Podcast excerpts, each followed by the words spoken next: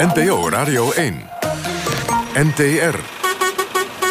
Ben je homo of heb je een hoofddoek? Nou, dan krijg je bij sommige makelaars het advies om in bepaalde wijken niet te gaan wonen. Nobel advies of omgekeerde wereld. En hoe zorgen we ervoor dat ouders hun kind geen extremistisch onderwijs geven? Is het misschien tijd om het recht op thuisonderwijs te gaan afschaffen? Live vanuit Rotterdam van Onder de Zwaan is dit het debatprogramma van de NTR. Kwesties met Marianne van den Anker. Goedenavond, wat ontzettend fijn dat u luistert. Elke zondag ga ik met de bus van NPO Radio 1 kriskras door Nederland. Om het vooral met inwoners en lokale politici te hebben over wat hen aan het hart gaat. Meekijken hier in de bus, dat kan. Via de app of NPO Radio 1. Straks ook een debat over een mega boete over drugsdealers. Bij mij in de bus drie zeer betrokken inwoners van Zuid-Holland. Peggy Wijntuin uit Rotterdam, gepensioneerd. Nou, dat klinkt wel heftig. Als raadslid namens de P van de A. Jean-Marie Molina uit Pijnakker, docent aan de Hogeschool Rotterdam. En Willemijn Krans, student politicologie. Ook een echte kersverse Rotterdamse student die hier ook geboren is. Welkom allemaal. Dankjewel. Dankjewel. Goedenavond. Zeg, in de gemeente Den Haag, daar is iets opmerkelijks aan de hand. Namelijk dat sommige makelaars moslima's of homo's adviseren om in bepaalde wijken geen huis te kopen. Het stond deze week in het AD. Want zo is de onderbouwing. Je kunt deze mensen bijna garanderen dat ze op de een of andere manier straks worden lastiggevallen. Nou ja, de eerste vraag is natuurlijk, Peggy Wijntuin, ik kijk jou even aan. Goed dat ze dit soort advies krijgen. Een makelaar heeft wat mij betreft uh, tot taak een eerlijk beeld te geven van niet alleen de woning, maar ook de buurt waar de woning staat. En uh, op het moment dat hij misstanden ziet in die omgeving, die hij dus niet uh, in zijn verantwoordelijkheid of tot zijn verantwoordelijkheid rekenen mag dan is het aan de politiek, wat mij betreft, om dat soort signalen op te pakken. Maar je zegt wel, een makelaar die geeft die toegevoegde informatie. En dat is voor huizenkopers ja. verrekte handig. Zeker Absoluut. als je homo of lesbo bent. Dat is toch je eerste huis of je tweede huis. Het is veel geld in huis. Ik heb met mijn dochter meegelopen toen ze haar eerste huis ging kopen. En wat mij toen irriteerde aan die desbetreffende makelaar was... dat hij het alleen maar over de woning hebben kon. En niet over, ja, maar hoe zit het dan hier over deze omgeving? En als uh, hij ons... Gelukkig heeft mijn dochter dat niet gedaan... want anders had ze een hele grote schuld misschien op zich genomen... Mm -hmm. om dan een, een maand later te zeggen van... mama, het is toch niet uh, de omgeving waarin ik zijn wil. Dus dat eerlijke beeld is wat hij hoort te geven wat mij betreft. Jean-Marie Molina, hoe kijk jij aan tegen makelaars die zeggen... nou, als homo of lesbo moet je in die wijk niet gaan wonen... want dat is uh, kans uh, op gezeik. Nou, ik, ik vind het triest dat dat moet. Ik vind het triest dat mensen op basis van een uiterlijk kenmerk of geloof of wat dan ook niet gewoon een huis kunnen kopen in een buurt dat hun leuk lijkt. Aan de andere kant. Maar dat gezegd hebben, ik denk ja. dat iedereen dat hier in de bus vindt. We zijn allemaal ik... tegen discriminatie. Het gaat maar dat zeggen we dat... allemaal. We zeggen allemaal dat we tegen discriminatie zijn. Maar als we echt iets deden tegen discriminatie, dan was het niet nodig voor de makelaar om dit soort informatie mee te moeten geven.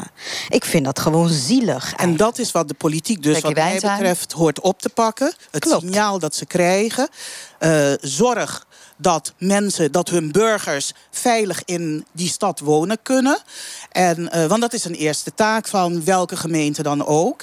Dus bescherm je burgers, pak die signalen op en ga ermee aan de slag. En of dat nu is voorlichting of welk antidiscriminatiebeleid je ook neemt, maar doe daar inderdaad wat mee. Helder standpunt. We gaan zo direct uiteraard een reactie vragen van twee politie. Die hebben hier in de bus CDA en Denk zijn vertegenwoordigd. Eerst nog even naar Willemijn. Willemijn Krans.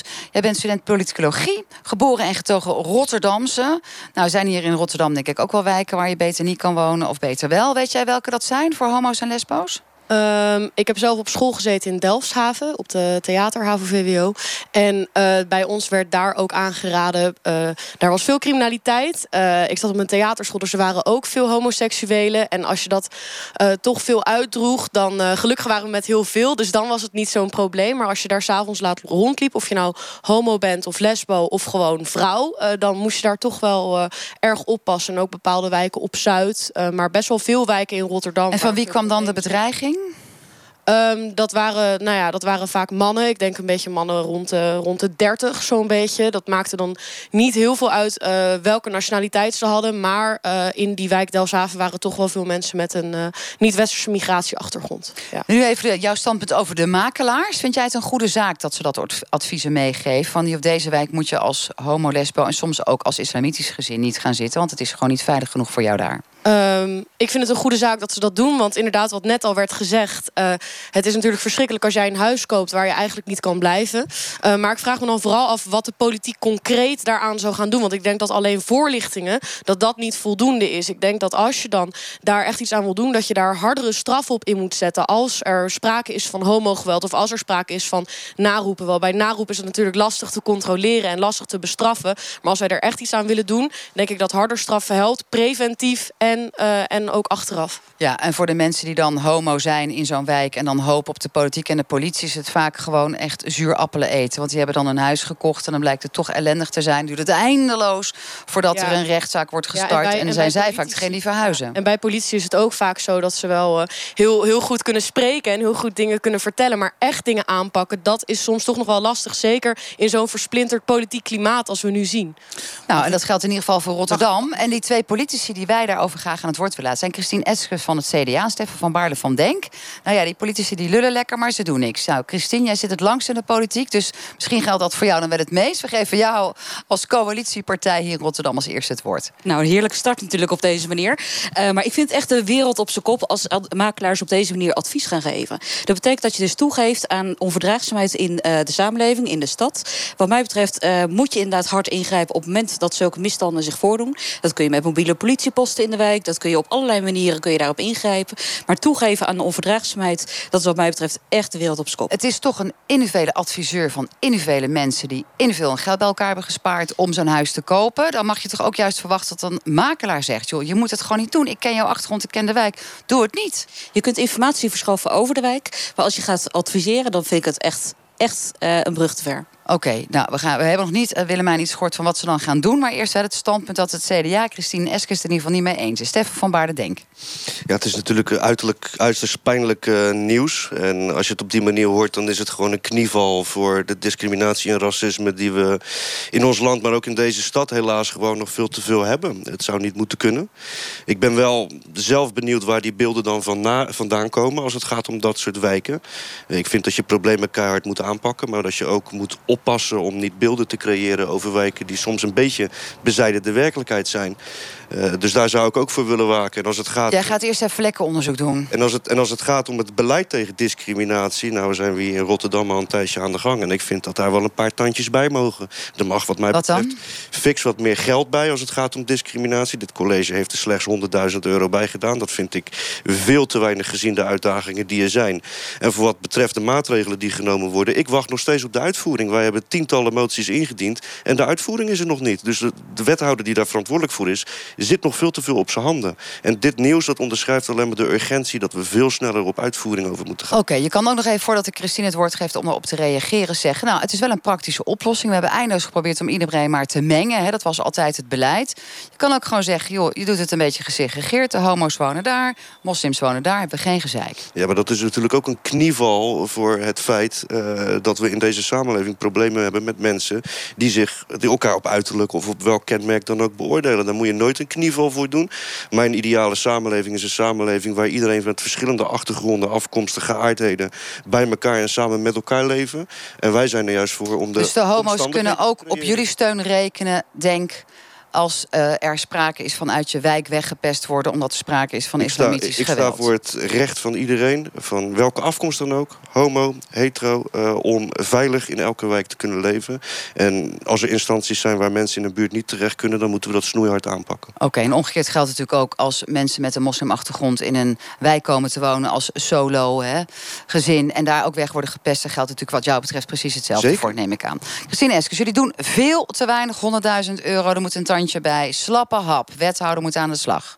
Nou, wethouder moet zeker aan de slag. Maar die slappe hap, dat eh, ken ik van, uh, van Stefan van Baarle. Dat roept hij elke keer. Maar als hij het alleen maar over die 100.000 euro heeft... er is veel meer geld wat uh, aan antidiscriminatie besteed wordt. En daarnaast is er ook fors geld bijgegaan. Juist ook voor politie, voor handhaving, voor veiligheid. En juist wanneer mensen weggepest worden... dan gaat het vooral om het handhaven van veiligheid. Om het aanpakken van misstanden. En dan is het zo dat die 100.000 euro inderdaad een plus is geweest... bovenop het beschikbare geld. Waarmee met mystery guest, met op allerlei manieren manieren uh, ingezet wordt om eh, discriminatie aan te pakken. En dat is denk ik ook goed beleid. En daar moeten we ook uh, fors mee aan de slag. Maar ik hoor het, Stefan nu in, van Baarden, ik hoor het nu in heel veel debatten dat er zoveel geld is bijgekomen op veiligheid. Ik heb nog nooit de prioritering gehoord uh, van wie dan ook. Ook niet van Abu Talib. We gaan die extra inzet op veiligheid ook daadwerkelijk prioriteren voor het uh, bestrijden van discriminatie. Sterker nog, ik heb een motie ingediend in de gemeenteraad waarin ik heb gevraagd om specifieke inzet bij de politie op het gebied van discriminatiebestrijding stemde zo'n beetje de hele coalitie tegen. Dus ik vind dat uh, echt daadwerkelijk loze kreten. En die mystery guests die net aangehaald zijn. In juni van het vorige jaar is de motie ingediend om mystery guests in te gaan voeren in deze stad om discriminatie te bestrijden. En mystery guests ook met het wonen, want dat lijkt me lastig. Dan moet ik een huisje gaan kopen en dan vervolgens vaststellen, nou het lukt niet. Of zat meer mystery guests bij uitgaansgelegenheden en waar die smeer zijn? De praktijktesten. Dus uh, ook op de arbeidsmarkt, maar ook op de woningmarkt gaan we makelaars en uitzendbureaus aanschrijven met uh, verschillende kandidaten als blijkt dat ze discrimineren, dan moeten ze gemeld worden. Die motie is al meer dan ongeveer een jaar, meer dan een jaar geleden ingediend en aangenomen. Ik denk dat Christine gaat zeggen dat ze er achteraan gaat, er toch? is nog steeds geen uitvoering. Het wordt niet uitgevoerd. Christine, ja, maar ik ben het volledig met Stefan dat, uh, dat, dat, uh, dat dat moet en dat het ook snel moet. Ik vind ook dat we daar heel hard mee aan de slag moeten. Maar als we dan terugkijken op die motie die je zojuist noemt. Um, dat, jij wil eigenlijk gewoon dat er een, een, een klein groepje uh, antidiscriminatiepolitie komt. Dat is natuurlijk volstrekt van de zotte. Eigenlijk elke agent in deze stad die zou mee aan de slag moeten gaan op het moment dat ze misstanden constateren om daarmee aan de slag te gaan. Dus je kunt wel zeggen, we willen een specifiek groepje en dat apart zetten, maar dat is niet zo effectief. Korte juist, reactie, Stefan van Waarden, denk Op dit moment blijkt dat in de hele keten... als het gaat om expertise met het opnemen van uh, aangifte... tot en met de hele gang naar de rechter... we zien dat er heel veel discriminatiezaken gewoon blijven liggen. Dat er niks mee gedaan wordt. Dat daarom die expertise-unit, die specifieke inzet erop... om ervoor te zorgen dat we dat gewoon snoeihard gaan aanpakken met elkaar. Helder. Nou, inwoners gerustgesteld. Willemijn Krans, student politicologie. Ik hoor nog steeds heel weinig echt concrete maatregelen... op het feit dat homo's op, blijkbaar dus niet in bepaalde wijken kunnen wonen. We hebben het nu over mystery guests. Over uh, dat, uh, de, dat we gaan kijken of makelaars uh, mensen discrimineren. Maar ja, daar arbeidsmarkt, gaat het nu, uitgaansgelegenheden. Daar, daar gaat het nu niet om. Het gaat er nu om dat sommige mensen blijkbaar niet in bepaalde wijken kunnen wonen. En dat is iets verschrikkelijks. En ik vraag me af wat daar concrete maatregelen zijn. Of er überhaupt voldoende politie ingezet kan worden. Want er gaat gewoon vrij weinig geld, geld over. Becky Wijntuin, want jij zei de politiek moet wat doen. Heb jij iets gehoord waar je tevreden over bent ik als heb... gepensioneerd raadslid? Raads, gepensioneerd raadslid, inderdaad. Uh, ik heb uh, in de twaalf jaar dat ik in de gemeenteraad zat... Uh, nogal wat voorstellen gedaan ook... die daadwerkelijk ook zijn opgenomen in uh, de uitvoering... om concreet aan te pakken. Ehm, dus wat dat betreft gebeurt er al van alles en nog wat... maar het mag absoluut wat strenger. Maar wat mij betreft ook wij als burgers hebben ook een verantwoordelijkheid. Dus als we dit soort zaken tegenkomen, dan is het aan ons om hiervan één aangifte te doen, een melding ook van te maken bij het antidiscriminatiebureau. Want het mag niet zo zijn dat inderdaad door de politie of het OM wordt gezegd van ja, het is geen probleem, want we krijgen inderdaad, we zien het niet, we horen het niet. Dus ik roep alle mensen op die inderdaad met dit soort kwesties, wat voor kwesties ook te maken krijgen, die gewoon niet deugen, richting politie, aangifte, antidiscriminatiebureau, melding. En meldpunt woonoverlast ook nog een idee of moet je daar helemaal niet zijn? Ga, ga waar je maar gaan kunt, maar maak het zichtbaar dat er inderdaad sprake is van een misstap. Stefan van Baarden, denk ik. Ik snap heel goed net de hartekreet toen er gezegd wordt van uh, we missen die ene concrete maatregel. Ik snap die hartekreet, maar discriminatie is wel een veelkoppig monster. Een veelkoppig monster dat je alleen met een aanpak die gaat van bewustwording tot verzwaarde straffen en alternatieve vormen van straffen echt kunt oplossen. Dus we hebben maatregelen over de hele range nodig. Dus met alleen een politiepost of alleen de handhaving inzetten, dan komen we er niet. Echt van al het burgerschaponderwijs tot het onderwijs, tot helemaal in de strafrechtketen moeten we maatregelen nemen. Echt een ketenaanpak. En de, de ene panklare oplossing is er helaas niet. We moeten veel doen. Jean-Marie Molina. Nou, wat ik heel interessant vond, is dat ik eigenlijk geen van de politici heb horen spreken over hoe zorg je ervoor dat mensen bij elkaar komen. Hoe zorgen jullie voor de toenadering? Want racisme en discriminatie begint in het hoofd, heeft te maken met kennis of een gebrek aan kennis. Ik heb jullie geen van beiden horen spreken over hoe jullie ervoor zorgen dat mensen meer informatie, want heel vaak doen mensen dingen ook vanuit onwetendheid. Al die, en groepsgedrag en, niemand, met en met alle respect naar jullie allebei. Niemand is onder de indruk van jullie zogenaamde straffen. Maar dan moet je ook zeggen, want net vond je het een heel goed idee om mensen te adviseren om in bepaalde wijken niet te gaan wonen. En daarmee krijg je in ieder geval geen ontmoeting. Dus wat mij betreft moet iedereen gewoon gaan wonen waar hij wil wonen. En gaat er dan om te zorgen dat je bevordert dat niet mensen ook als op ze kinderen manier, hebben. Wacht even eh, hoor. Dat ze op een goede manier met elkaar samenleven. Ik heb, kijk, ik heb gezegd dat ten eerste heb ik gezegd dat ik het zielig vind dat het moet. Dat is mijn eerste standpunt. Daarna heb ik gezegd, als er geen ander alternatief is, vooruit. Dat is nummer één. En nummer twee wil ik zeggen, in, in de politici, jullie hebben het altijd over abstract aanpakken van problematiek. En al dat praten.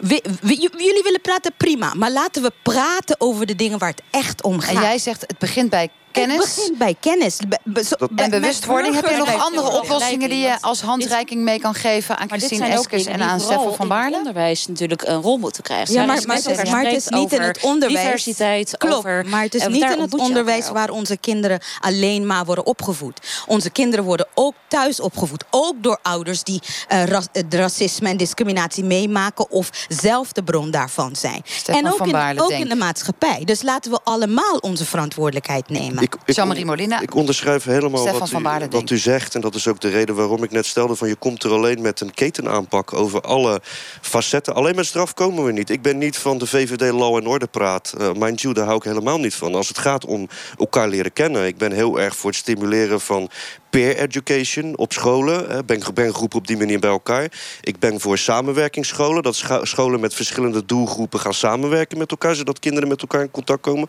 Burgerschapsonderwijs versterken met echt diversiteit... pluriforme samenleving als examendoelen. En zo moet je dat bewustzijn... Het zijn die kennis- prachtige volzinnen, hè? Vol, vol, volzinnen. Beleidspoëzie ten top. Willemijn Krans. Gerustgesteld? Of zeg je, laat die makelaars toch maar blijven adviseren... Nou, als dit de standpunten zijn van de politici... dat je misschien in sommige wijken beter dat huis niet kan kopen... met je zuurverdiende geld als homo of lesbienne Ik of hoor hier een, aantal dingen. Eh, ik ben het helemaal eens met die eh, wide range aanpak. Ik denk eh, dat eigenlijk bijna alle partijen, ook de VVD, het daar wel mee eens is. En niet alleen maar een soort law and order aanpak. Maar als er vanuit, vanuit links heel veel alleen maar op het preventieve zit, dan snap ik dat je daar als reactie op geeft. Dat je dan juist ook wat meer regels schrijft. Zodat je uiteindelijk in een mooi midden komt. Ik denk dat als we dat combineren, dat we ergens mooi uitkomen. Verder hoorde ik van eh, mevrouw eh, Eskes van het CDA, hoorde ik, ja, maar we moeten gewoon ons, eh, we moeten ons gewoon er maar overheen zetten. We moeten juist een voorbeeld stellen door er wel te gaan wonen. Je moet gewoon wonen waar je wilt wonen. Maar dan is de vraag: wil je wel in zo'n wijk wonen als je blijkbaar gevaar loopt dat, dat mensen je gaan discrimineren, dat mensen je gaan uitschelden of wellicht erger? Ik zou daar niet willen wonen. Dat, dat Helder, nog even één laatste reactie van jou. Adviseer je nou homo's en lesbo's om juist wel in zo'n wijk... Ik met gezegd- zuurverdiende centen te gaan wonen of niet? Ik heb gezegd dat makelaars vooral niet moeten adviseren om daar niet te gaan wonen. Verstrek informatie, maar Nee, maar even de vraag: adviseer je nou om mensen die hun geld hebben verdiend om eindelijk een keer dat huis te kunnen kopen, ook in Rotterdam gestegen huisprijs, om juist wel of juist niet in die wijken te gaan Als zij wonen? geïnformeerd een keuze maken om daar te gaan wonen, moeten ze dat lekker doen. Oké, iets anders. In Alphen aan de Rijn gaan ze drugsdealers net even anders aanpakken als het aan de burgemeester ligt. Dus als u luistert en u bent een drugsdealer of u hebt daar last van, nou, wie betrapt wordt krijgt 10.000 euro boete. Briljant idee of een briljant slecht idee wat u betreft. Jean-Marie Molina. Is dit een grap? Nee, het is geen grap. Het is een serieus voorstel van de burgemeester van Alphen aan de Rijn. Dus je bent al een keer gepakt. drugsdealer een boete van 10.000 euro. Hoe snel telt hij dat Maar wat zou zo grappig gaan? Dit zijn mensen die, die drugs verkopen. Als ja, dat, dat levert je. En Weet je wat de bedragen zijn die het je oplevert? Het kan best veel op. 4000. Het is dus 1000 per week als drugsdealer. Dus 4000 euro in de maand. Mhm. En Mhm. zoveel mensen blijven het doen. Als het nauwelijks wat oplevert in een maand. Ik nou, ik Maar goed, jij schrikt van niet. die 10.000. Ja, dit is wat er Nou, wordt... 10 10.000. Ik schrik niet van 10.000. Ik vraag me af wie denkt dat dit een goed idee is. Ah, hoeveel geld dan wel? Want ik dacht even, jij gaat de kant op dat het gewoon veel te hoog is... dat ze dat niet kunnen betalen. Maar dat kunnen ze namelijk makkelijk betalen. Dat is 2,5 nee, maand nee. werken. Maar ik, ik ben ik weet wat ik me altijd afvraag in Nederland. Wat, willen we nou precies bestrijden? Willen we nou de, de, de root van een probleem bestrijden? Of willen we alleen maar dingen doen zodat we goed over onszelf gaan voelen? Wat pakken we nou precies aan op het moment als we een drugsdealer zeggen: Weet je wat? Betaal jij maar 10.000 euro. Nou ja, het kan desnoods ook via beslaglegging. Volgens mij is het een signaal van deze burgemeester van Alfa aan de Rijn... dat hij er klaar mee is en dat hij zegt... joh, en als we weer betrappen, krijg je gewoon 10.000 euro boete. Want wat we nu doen, helpt niet. Nou, dan betaal ik vooruit mijn 10.000 euro... verkoop ik drugs in uw gemeente. Willemijn Krans, Ehm, student politicologie. Het is eigenlijk een voortzetting op beleid dat eerder al in 2017 is- in Ermelo eh, is, is gestart. En Alfa aan de Rijn heeft dat eigenlijk uitgebreid. En eh, ik had gelezen dat in Ermelo dat het vrij effectief eh, blijkt te zijn. En ik denk dat het best wel een goed idee is. Want eh 10.000 euro, dat is toch wel even een, een hap in je portemonnee. En als je dan een paar weken in de gevangenis zit, dan denk je van, nou ja, dan wordt toch wel voor me betaald, krijg ik weer eten. En dan daarna kan ik weer lekker de straat Ja, op en drugs als het even dealen. tegen zit, dan loopt ook, of mee zit... maar net hoe je het wil zien, loopt ook nog je bijstandsuitkering door. Hoewel dat geloof ik aan hun banden is gelegd nu. Maar zo denk jij erover. Peggy Wijntuin. Nou ja, volgens mij moet je, als je eh, wie dan ook pijn wil doen, doe het in de portemonnee. En als dit een middel is, dan is dit een middel. Bovendien heeft eh, de gemeente, het bestuur, het gemeentelijk bestuur, heeft inderdaad tot taak bescherming van haar inwoners. Dus zij kunnen niet anders dan een manier bedenken om inderdaad, eh, ja, hè, mensen de pijn te doen. En dat is via de portemonnee. Een ander zegt van ja, maar dan krijg je zo'n waterbedeffect. Dan gaat het naar de buren. Ja, dat wordt Elke ook al gemeente- gesuggereerd, ja. Elke gemeente heeft tot taak bescherming van haar, van haar burgers. Dus ik zou zeggen, landelijke overheid, om te voorkomen dat het gaat hoppen van gemeente naar gemeente, kom met adequaat beleid. Nou, ben je voorstander van die boete? Je hebt jarenlang in de politiek hier gezeten in Rotterdam. We weten ook dat de pakkans hartstikke laag is voor drugsdealers. Dus ja, voordat je hem op kan leggen, heb jij toch dan het gevoel dat het gaat helpen? Boete van 10.000 euro? Kijk, ik had liever dat het wat mij betreft een bedrag hoger was. Maar als zij zeggen 10.000 euro. Ik zeg het principe van pijn doen in de portemonnee. Dat is wat mij betreft in ieder geval een goed, eh, goed middel. Jean-Marie Molina, ik zie jou pijn bedenkelijk doen- kijken. Nou, ik, ik, ik, ik snap al deze argumenten, maar ik zat me alleen af te vragen: pijn doen in de portemonnee bij drugsdealers. Op, op die manier heeft dat hetzelfde effect. Je moet ook een bepaalde mate van gewetenloosheid hebben om bepaalde acties te verrichten. Dus je, je veronderstelt dat degene die dan zo'n boete eh, krijgt, dat die dan gaat denken van goh, wat erg. En die denkt na over wat hij doet. En dat zou Nou ja, dan ook dat- moeten meewerken Dat, dat, is een, in. dat is een andere. Maar het gaat, het gaat erom dat er wordt gezegd... we willen ze weg hebben van deze bodem. We willen ze weg hebben uit de gemeente. Ja. En eh, in Ermelo, inderdaad, had ik ook gelezen... heeft het of helpt het? Dus in die zin is het kennelijk wel een effectief middel... om, eh, om op deze manier aan de slag te gaan. Willemijn Krans. En het is dus niet alleen maar iets achteraf. Want het is ook zo dat je eerst een brief krijgt. Dus het werkt tegelijkertijd preventief. Je weet dat je onder de radar bent van de politie. Oh, eh, wat vervelend. Laat ik eh, misschien toch maar niet zo'n goed idee om hier te gaan drugsdealen. En dan inderdaad is dat beter voor de inwoners daar. CDA, is het Nou- een idee voor Rotterdam? U zit in de coalitie, het is één telefoontje naar Abu Talib... en hij pakt het zo over vanuit Nou, het is een fantastisch idee. En zeker ook omdat er, eh, wat mij betreft, want eh, je zegt van nou, je gaat uit van een geweten. Nee, je gaat uit van berekening. Je gaat ervan uit dat op het moment dat iemand gepakt wordt, dan krijgt hij een brief van de burgemeester. De volgende keer dat je gepakt wordt, krijgt 10.000 euro boete. De keer daarop, dat loopt op tot 40.000 euro. Ik, ik ga wel uit van berekening bij dealers. En dat ze dan vervolgens toch wel even achter hun oren krabben van hier moet ik dus niet zijn. Dus wat mij betreft, prima idee voor Rotterdam. Ik kan het als criminoloog onderschrijven. En dat de pakkans, de ervaren pakkans, is ook een hele belangrijke motor voor eh, positief gedrag. Stefan van Baarle, eh, steun jij Abu Talib als je dit gaat doen? Nou ja, ik zou, ik zou eerst even concreet eh, moeten weten wat zo'n voorstel dan inhoudt. Nou, het is heel simpel, we hebben het net uitgelegd. Je bent Ja, al een keer gepakt. de haak- de en daarna haak- word je nog een keer gepakt met een zakje desnoods van 20 gram. En je krijgt gewoon 10.000 euro boete. Ik bedoel van hoe zo'n voorliggend voorstel er dan eh, precies uitziet... en de haken en de ogen. Dus maar het algemene principe van eh, zwaarder straffen... als het gaat om het dealen van drugs... dat gewoon jongeren beschadigt en mensen beschadigt. Daar ben ik niet tegen. Al eh, vraag ik me af eh, of alle eh, drugsdealers ook daadwerkelijk voortkomen uit calculatief berekenend gedrag. Ik denk dat het voortkomt uit, in veel instanties ook uit verkeerde subculturen. Soms ook een, een zekere vorm van uitzichtloosheid. Veel kinderen trouwens die betrokken zijn, met name Ja. drugsdealers, zijn ook licht verstandelijk beperkt. Worden dan eerst op de uitwerkpost ik gezet. geloof- Dat heeft ook wel iets sneus. Daarom niet dat we alleen met zo'n middel dat we het, dat we het een halt toe gaan roepen. Maar wat dan wel? Hè? Want het is ook al jarenlang een probleem. En wordt nu gesproken van Nederland als narco-staat. We zien heel veel is, jonge eh, kinderen gewoon. Die nu drugs aan het belangrijk.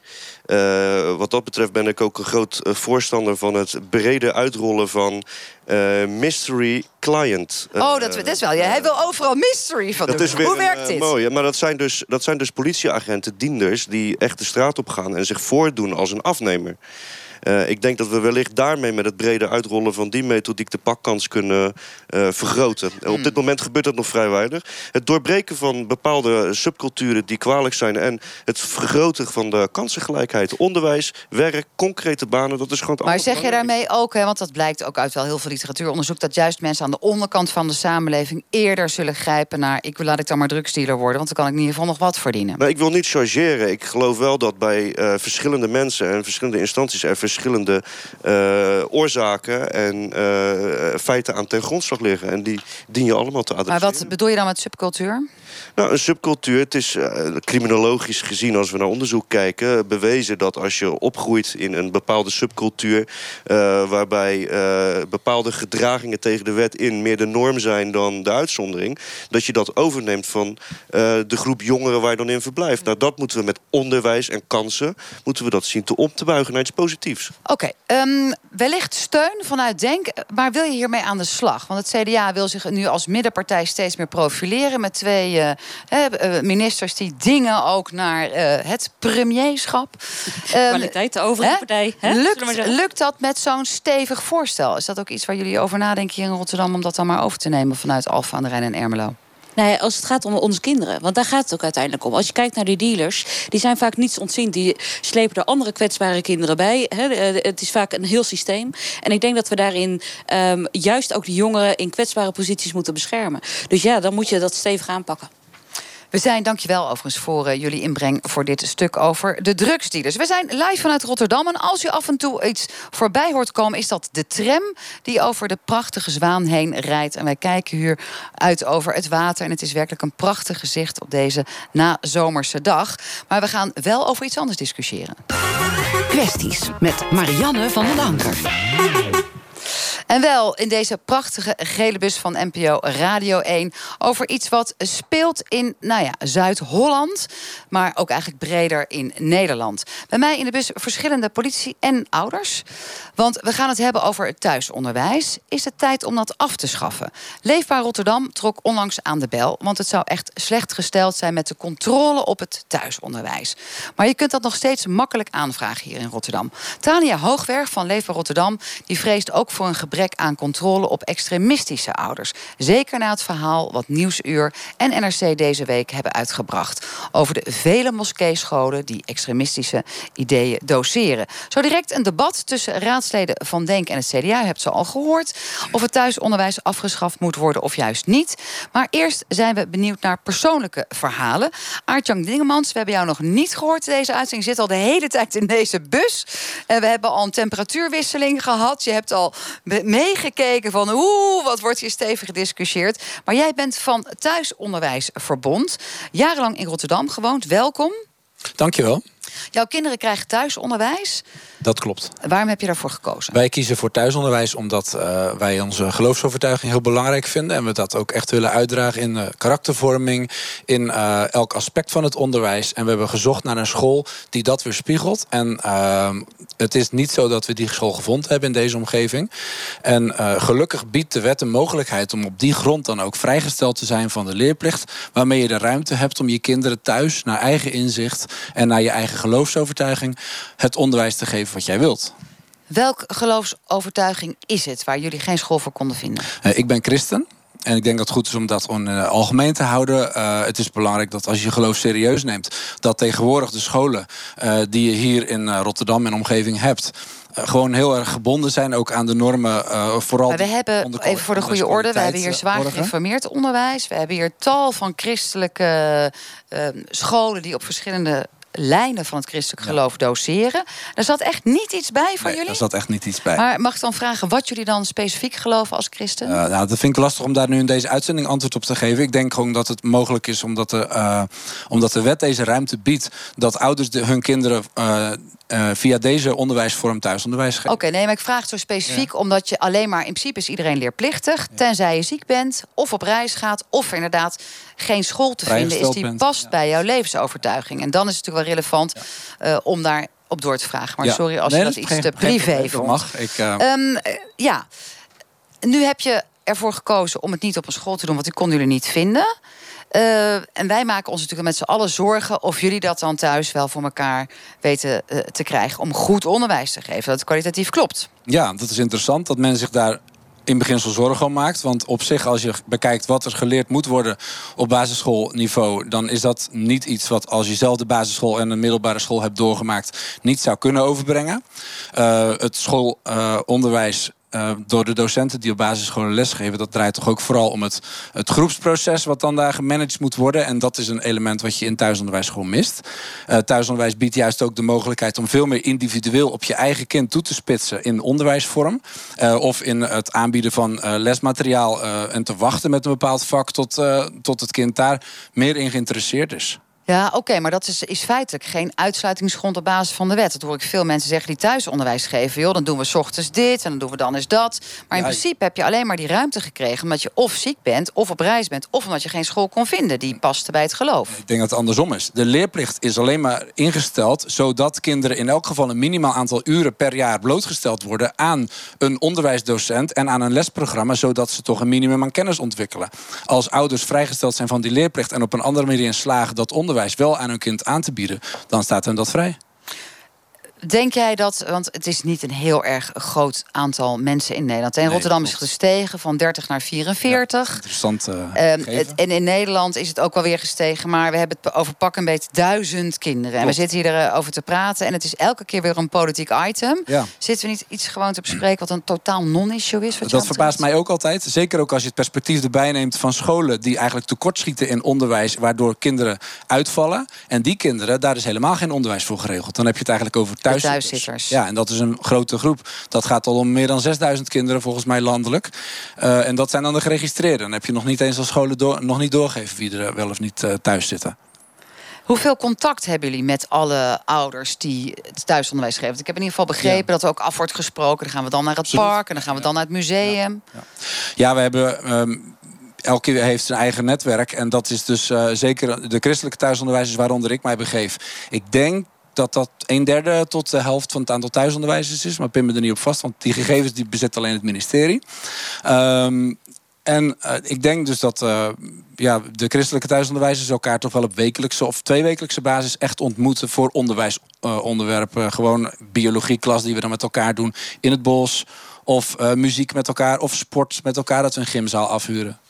Um, heb jij ook, want dat, dat uh, verbond wat jullie met elkaar hebben voor die uh, thuisonderwijsclub, de vereniging.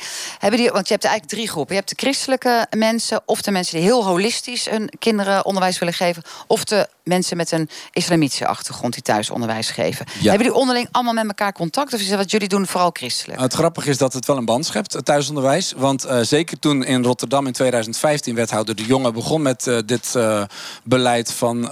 Zwaar aan banden te leggen. Crackdown. Ja. Uh, denk ik wel dat we elkaar hebben kunnen vinden. En waren daar dus ook kanalen voor om elkaar te ontmoeten. En om uh, met elkaar ook uh, ja, af te spreken hoe gaan we hiermee om. En daardoor hebben we. Vooral denk ik, hoe gaan we gewoon die politiek gewoon de loef afsteken? Want nou, wij willen doorgaan met wat we doen. Als je dit onderwerp neemt en je neemt dus die 44 leerlingen. Dan zijn dat dus voor dat hele kleine groepje tel ik nu al afgelopen week het zevende of het achtste debat in de Rotterdamse gemeenteraad. Dat vind ik best een prestatie. Tegen ambtenaren mee bezig. Politici die daar eindeloos over met elkaar in conclaaf gaan. En een onderwerp wat in ieder geval ook nauw verbonden is hier aan de lokale CDA. Want Artjan zei het al. Wethouder De Jonge die is ermee gestart. Die moest er niets van hebben en die ging er volop los. Um, en jullie zitten nu weer in de Rotterdamse coalitie met Said Kasmi, die hier nu voor verantwoordelijk is van een andere politieke partij D66. Wat vindt u ervan dat kinderen thuisonderwijs krijgen? Christine Eskes. Nee, het is verankerd in de, in de wet, dus daarom is het een mogelijkheid. Wat ik wel uh, bijzonder vind, als je kijkt naar de situatie tot 2015, tot Hugo de Jonge daarmee aan de slag ging, was het zo dat ouders gewoon een briefje konden sturen naar de gemeente. Ik heb richtingsbezwaar, ik hou mijn kind thuis. Dat was eigenlijk feitelijk hoe de situatie was. Er was geen enkele toets op kwaliteit. En als je dan kijkt naar het internationaal verdrag voor de rechten uh, van het kind, dan heeft elk kind recht op kwalitatief goed onderwijs. En ik vind dus ook een vorm van bestuurlijke verwaarlozing op het moment dat je daar niet op insteekt, als je geen gesprekken met die ouders voert van waarom wil je dit nu eigenlijk? Want we hebben in Rotterdam inderdaad een heel pluriform stelsel aan scholen. Dus uh, voor de meeste ouders is het echt mogelijk om een goede school te vinden. Maar daarnaast ook van wat doet u nu eigenlijk uh, aan onderwijs? Hoe Afschaffen? vorm? Dat thuisonderwijs? Afschaffen niet, maar ik vind wel dat je het sterk moet reguleren en uh, vooral de kwaliteit goed moet toetsen. En reguleren, wat betekent dat? Dat we toezicht houden op de reden waarom mensen hun kind uh, thuis houden. En daarnaast ook goed controleren op welke manier dat onderwijs plaatsvindt. Of er thuis dan kwalitatief goed onderwijs. Dus een inspecteur langs bij, ja, bij Aartjan. En, die zou daar zeker een rol in moeten krijgen.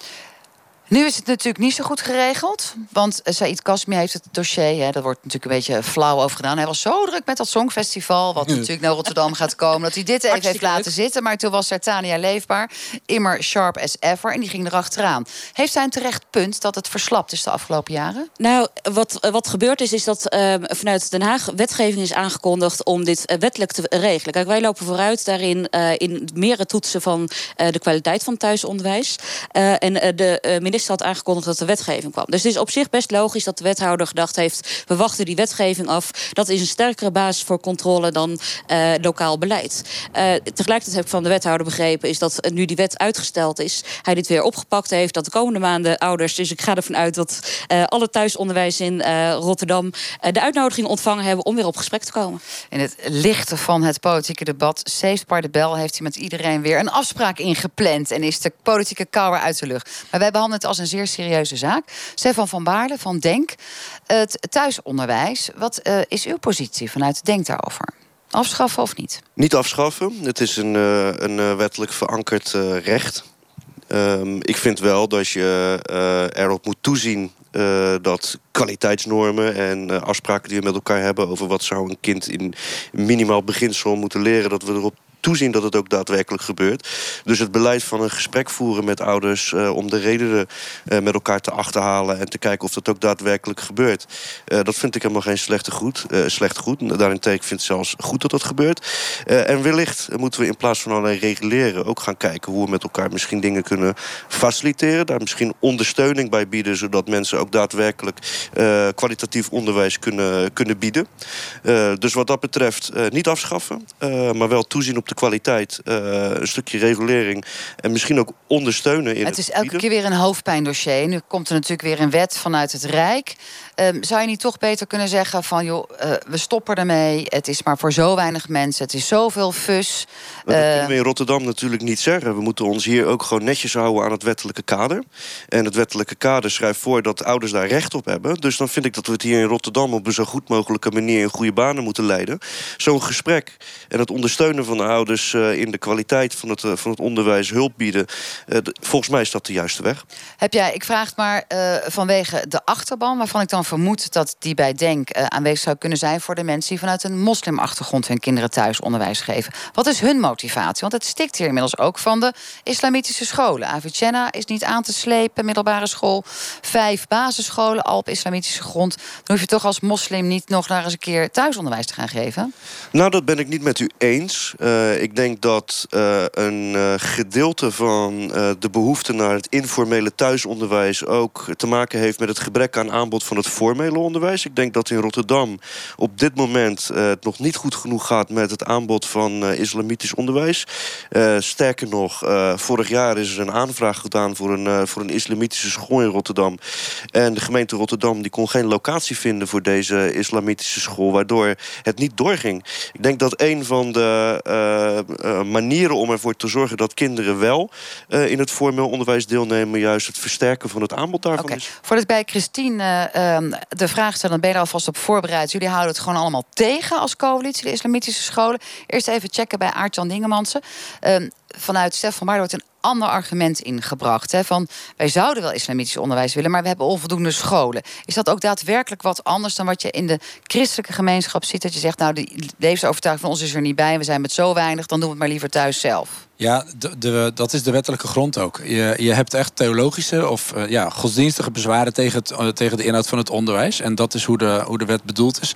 En eh, daarmee kun je in je achterhoofd wellicht een oordeel hebben over de kwaliteit van onderwijs in je omgeving. Of over hoe men het schoolonderwijs inricht. Ehm, maar dat is dus dat is een andere discussie. Ik begrijp het wel heel goed natuurlijk. Oké. Christine Eske, je hebt erover na kunnen denken. Er wordt eigenlijk met min of meer een venijnige ondertoon door Steffen van Baarle gezegd. Jullie houden het gewoon tegen. Er is behoefte aan meer islamitisch onderwijs in Rotterdam. Zowel basisscholen als middelbaar onderwijs. Nou, wij houden helemaal niets tegen. Eh, maar wat we wel doen, is eh, zorgen dat we van tevoren heel goed kijken of een school ehm, ook eh, op het moment dat er gesticht wordt, ook daadwerkelijk leidt tot succes. Dus dat betekent dat je dat scholen aan moeten kunnen tonen van dat zij binnen enkele jaren tot een minimum aantal leerlingen komt.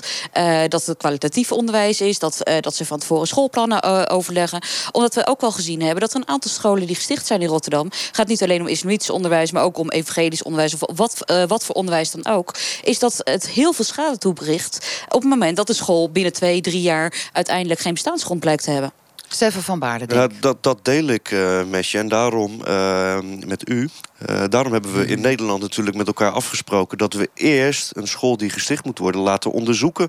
Is er voldoende vraag naar? Hoe gaat u dit vormgeven? Nou, dat hadden we allemaal met elkaar doorlopen. Het was allemaal netjes aangetoond. En we is de mensen die initiatiefnemer waren van extra als- islamitische scholen. Ook als gemeente. Hè. We hebben het als gemeenteraad behandeld. Het is vastgesteld in het plan van nieuwe scholen. De minister heeft zijn goedkeuring gegeven. En wat gebeurt er daarna?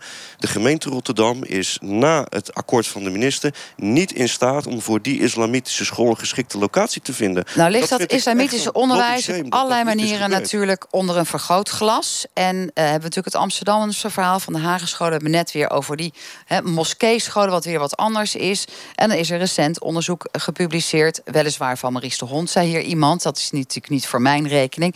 Maar waarbij toch vandaag naar buiten is gekomen dat zeven op de tien Nederlanders, die is wel klaar met dat islamitische onderwijs. Dan komen een hele andere discussie terecht. Is er een hetze tegen het islamitisch onderwijs aan de gang? Vind jij dat, Stefan van Baarle? Nou, ik vind dat als we eh, het politieke discours in de afgelopen tijd met elkaar horen, eh, dat we denk ik eh, op dit moment de grootste gecoördineerde aanval op de religieuze vrijheid met elkaar doormaken die we, die we in de recente tijd gezien hebben. Ik vind het echt buitengewoon eh, kwalijk. Een ophitsend beeld wordt eh, geschetst, waardoor ik echt instanties in mijn mailbox krijg van meiden met een hoofddoek die lastiggevallen worden. Meiden die naar hun hoofd geslingerd krijgen terwijl ze aan het solliciteren zijn. Je zal wel een salif- salafist zijn. Dit, dit is niet goed hoe dat debat op dit moment gevoerd wordt. En in die instantie moeten we altijd waken dat we nooit groepen over één kam scheren. Er is een grote diversiteit aan mensen binnen elke religieuze groepering. In Nederland mag je orthodox zijn. Dat is de vrijheid van eh, religie. Uitwassen moeten we aanpakken. Wanneer er opgeroepen wordt tot haat en onverdraagzaamheid, dan moeten we er tegen optreden. Maar nooit groepen over één kam scheren. En ik maak me dus ook ernstig En jij zegt eigenlijk, er is een hetze gaande. En dan ook nog gecombineerd met het gevoel dat jullie hebben... dat de gemeente tegenhoudt dat er meer islamitisch onderwijs wordt gegeven in Rotterdam. Christine Eskes. Nou, de vrijheid van godsdienst, de vrijheid van onderwijs, dat vind ik echt belangrijke verworvenheden die we in Nederland hebben. Die zou ik ook heel hoog willen houden. Tegelijkertijd komt elke vrijheid ook met verantwoordelijkheid. Dus dat betekent dat je als er uitwassen zijn die heel hard moet bestrijden. En als je ziet dat er recent een aantal uitwassen zijn geweest, dan betekent het ook dat we er bovenop moeten zitten. Wij moeten onze kinderen ehm, beschermen tegen kwalijke invloeden, maar ook zorgen dat ze kwalitatief goed onderwijs krijgen. Helder. We zijn een beetje afgedwaald van het thuisonderwijs. Dus Ja. dan gaan we Jean-Marie Molina er maar eens even bij halen. Want die brengt ons altijd weer helemaal scherp to the point. Naar waarvoor wij bij elkaar zijn gekomen. Afschaffen dat thuisonderwijs of niet? Wat vind jij? Je hebt een achtergrond ook in het onderwijs. Nou, ik vind, ik vind niet dat we het moeten afschaffen. Maar ik vind wel dat we heel goed moeten kijken naar de kwaliteit van degene die het onderwijs aanbiedt. Want uh, alhoewel deze ouders op basis van hun eigen overtuigingen hun kinderen uh, uit het reguliere schoolsysteem houden. Voeden zij wel burgers op. En dat zijn burgers die deelnemen aan onze maatschappij, waar we algemeen geldende normen en waarden hebben. Dus dat is het eerste. Dan wil ik net als bijvoorbeeld als we zeggen, uh, een ander voorbeeld bij de kinderopvang, heb je wel eens van die gastouders en die doen dat thuis. En daar hebben we strenge kwaliteitseisen voor. Dus ik wil ook heel graag strenge kwaliteitseisen om de ouders te ondersteunen. En ervoor te zorgen dat de kwaliteit van het onderwijs dat ze aanbieden, dat er ook goed is. En betekent dat ook dat je eigenlijk zegt, in lijn wat Christine Eskes met haar opmerking over reguleren bedoelde, ze moeten een opleiding hebben waarin ze pedagogiek hebben of kunnen aantonen, anderszins dat ze les kunnen geven? Ja, ik, ik vind dat het, want het is niet alleen maar een kwestie van, van, van pedagogiek, van je kind goed opvoeden, de juiste randvoorwaarden scheppen. Het is ook een verantwoordelijkheid voor het, voor het opvoeden van, van verantwoordelijke deelnemers aan de maatschappij. En dat is onze gezamenlijke verantwoordelijkheid. Absoluut. Dus kwaliteitseisen voor degene die dat onderwijs aanbieden. Anders kunnen we ook dan zeggen: laten we al die ouders maar voor de klas staan. Dan hebben we geen tekort meer aan docenten. En dat is niet wat we willen. Het is ook een oplossing voor het lerarentekort. Ja, dat iedereen vervolgens thuis onderwijs gaat geven. Is maar niet een oplossing om ervoor te zorgen dat kinderen ook leren met heel veel diversiteit om te gaan. Dat is natuurlijk ook wat je op school leert. Met kinderen van allerlei achtergronden om met elkaar uh, groot te worden. En ik denk dat dat ook een belangrijke verworvenheid is. Ik ga eerst even. Eerst even aan jou nog de vraag, Jean-Marie Molina. Want jij, jullie leiden ook docenten op hè, voor ja. het basisonderwijs op de HBO waar je werkt. Is het moeilijk, pedagogiek? Pedagogiek is moeilijk, ja. Dat, uh, en zeker is, laat ik het zo zeggen, pedagogiek is moeilijker wanneer het je eigen kind betreft. Nog moeilijker. Dus ja, moet je HBO plus, plus, plus, plus, nou, plus pakket hebben. Je weet maar iedereen mag uh, ook thuis ja. op eigen manier maar ik bak er ook niks van, dus ik weet hoe moeilijk het kan zijn. Artjan Dingemans, er wordt hier gesuggereerd dat dat kwaliteitsniveau echt gecontroleerd moet en omhoog. Minimaal ouders voor hun eigen kinderklas, die ook daarvoor hebben doorgeleerd. Ja, um, ik wil even aanhaken op de discussie van daarnet ook. Dat uh, er is een heel groot verschil tussen wat er lokaal kan worden uitgevoerd en kan worden opgelegd. En wat er nu landelijk geregeld wordt. Um, op dit moment is het kabinet uh, het thuisonderwijs gunstig gezind. Dus we hebben over, spreken over een coalitie waarin ook het CDA zit. En de ja, Misschien heeft dat wel een reden. Um, en dat is dus uh, een. ja, eigenlijk een. Dat heeft erin geresulteerd dat het thuisonderwijs zelfs in het regeerakkoord is terechtgekomen. En waar, dat is dus ook gedefinieerd in een aantal begrippen. Waar uh, het ministerie is opgedragen om tot een uh, wet te komen die het thuisonderwijs regelt. Waarin dus onder andere ook de bekwaamheid van docenten, uh, van de ouders in dit geval. en nog een aantal andere aspecten geregeld zijn. Ben je het daar ook mee eens? Ik bedoel, geregeld zijn, maar dat betekent dat we hier eigenlijk in de bus vanuit Jean-Marie Molino horen zeggen. Het moet echt ook gewoon door jullie proven. Uh, ja. je moet het kunnen aantonen. Dat is heel lastig, denk ik. Uh, ik snap de, de, wens. De andere kant is, het gaat wel heel erg uit van een stuk wantrouwen richting ouders. En de, de overheid krijgt dan wel een. een, een... Ik vind dat wel heel Op dit moment worden natuurlijk wel duizend kinderen in principe buiten het systeem om. Ik vind dat heel makkelijk gezegd. Want ik, zet, ik zet een scenario. Op het moment dat er iets misgaat in dat thuisonderwijs, wat u of een andere ouder aanbiedt, wie is dan verantwoordelijk voor die situatie? Wie. Ja het gaat om het belang van het kind. En als het gaat om het belang van het kind, dan vind ik dat er geen eis te hoog of te groot is. Dus u moet.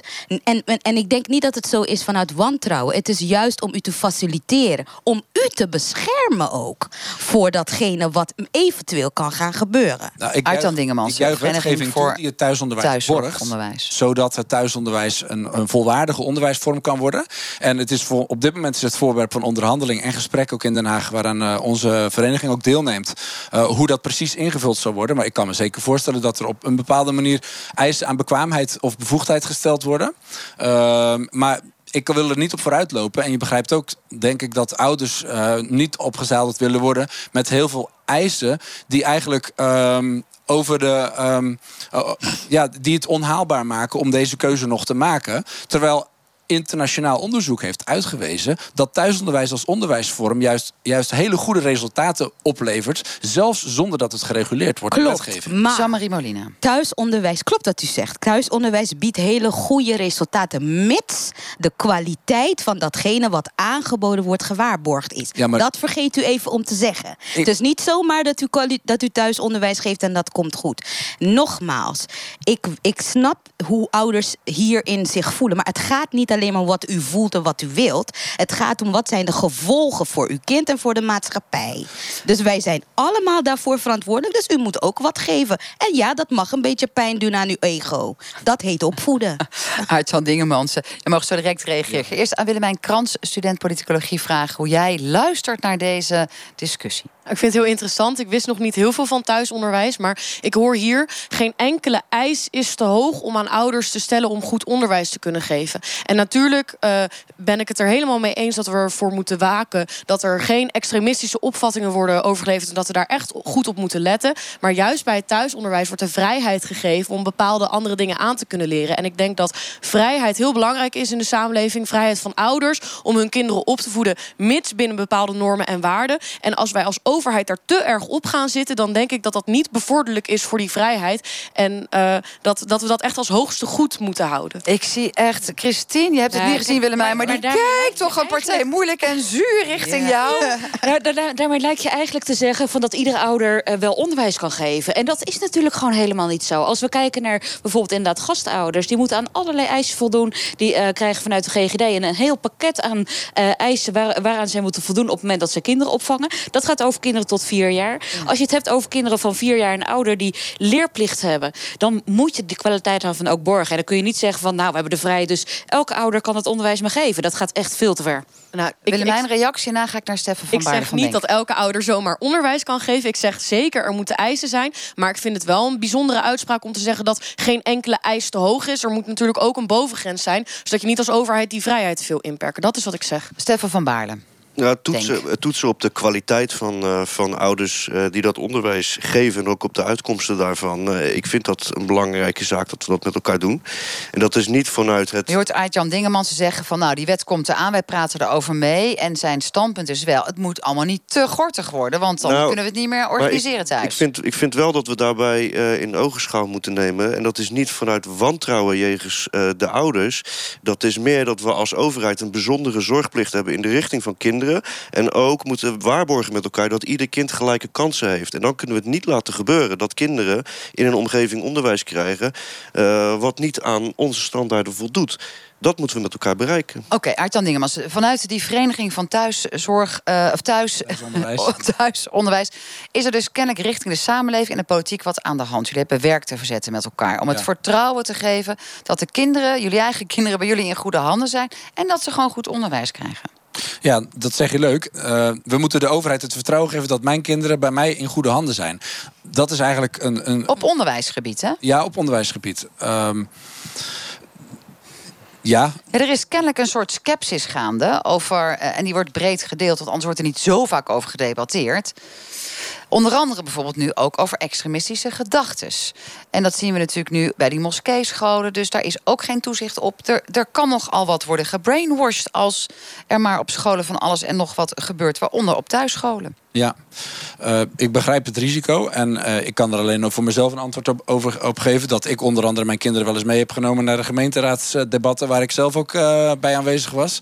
Is ook niet altijd heel verheffend, moet ik zeggen. oh, ik dacht dat je bedoelde, daar worden hele rare hebben- ideeën gepredikt. kinderen heel veel geleerd over de maatschappij.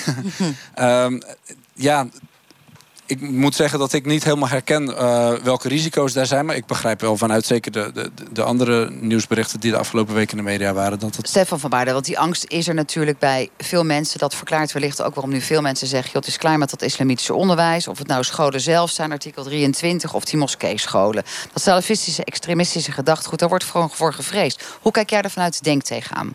Nou, mag ik allereerst zeggen dat eh, vanuit eh, onderzoek dat door de inspectie is gedaan... en ook onderzoek eh, door andere eh, instanties... bij de, voor bijvoorbeeld eh, het ministerie van Onderwijs... altijd is gebleken dat er binnen de, de wijde range van het islamitisch onderwijs... niet iets is wat problemen oplevert dat we ons er zorgen over maken. Dus dat één, die hetze, daartegen deel ik niet. Het tweede...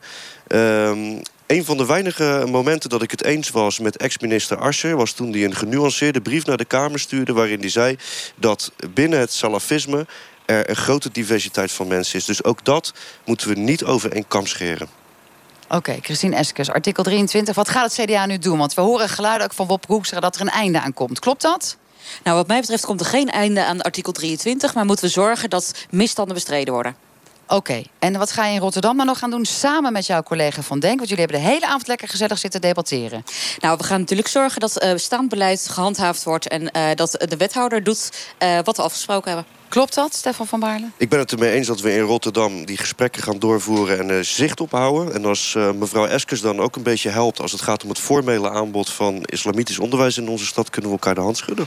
Heb jij nog een wens voor de politiek, Aartjan? Ja, ik vind wel dat de, druk die uitgeoefend werd door de vorige wethouder te groot was. En dat die gesprekken die dus nu gaan plaatsvinden niet onder dwang met kinderbescherming uh, moeten worden gevoerd. Oké, okay, je komt er op de thee bij, zei iets, maar niet zo streng als bij Hugo de Jonge. Wij gaan uh, afronden. Tot zover kwesties vanuit Rotterdam. Dank jullie allemaal hier in de bus. Het is natuurlijk nu aan de politiek om iets te gaan doen met jullie zorgen en om knopen door te hakken. Zo direct uh, is Radiodoc. Dat is altijd super interessant, dus blijf vooral luisteren. En ik wens u allemaal nog een hele mooie zonnige week. En Prinsjesdag straks allemaal kijken naar die glazen koets en alle prachtige hoedjes. Volgende week zijn wij er weer ergens vanuit Nederland. Ja, dan krijgen we nu die toeter. Die wordt gezongen.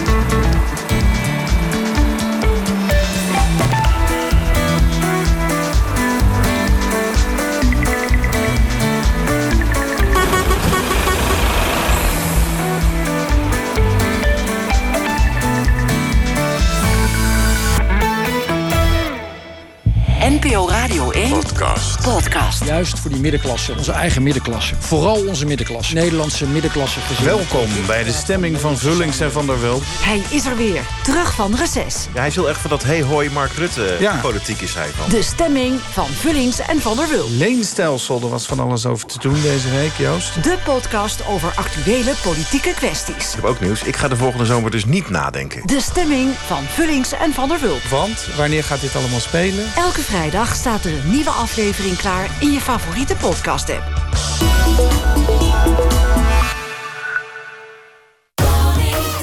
Ik zet een eentje hier, een tweetje daar. Weet je het beter, kom dan maar. Weet jij het beter? Zet in en win. Toto is een spel van Nederlands Loterij. Speel bewust 18+. Plus. Marijke Linksma is al jaren de beste teamcoach van Nederland. Op het jaarcongres Teamcoaching vertelt ze hoe je jouw team nog beter kunt laten functioneren. Kijk op managementboek.nl slash teams. Al van jongs af aan zetten we ons in voor de dingen die wij belangrijk vinden. Omdat je ergens voorstander van bent. Of ergens fel op tegen. Je kunt je betrokkenheid tonen met een eenmalige like of een leven lang. En zelfs als je er niet meer bent. Op toegift.nl ontdek je hoe jij jouw idealen kunt laten voortleven... en welk goed doel daarbij past. Ritme. Onmetelijke kracht. Als een machine. Laat je opzwepen. Rise to the rhythm.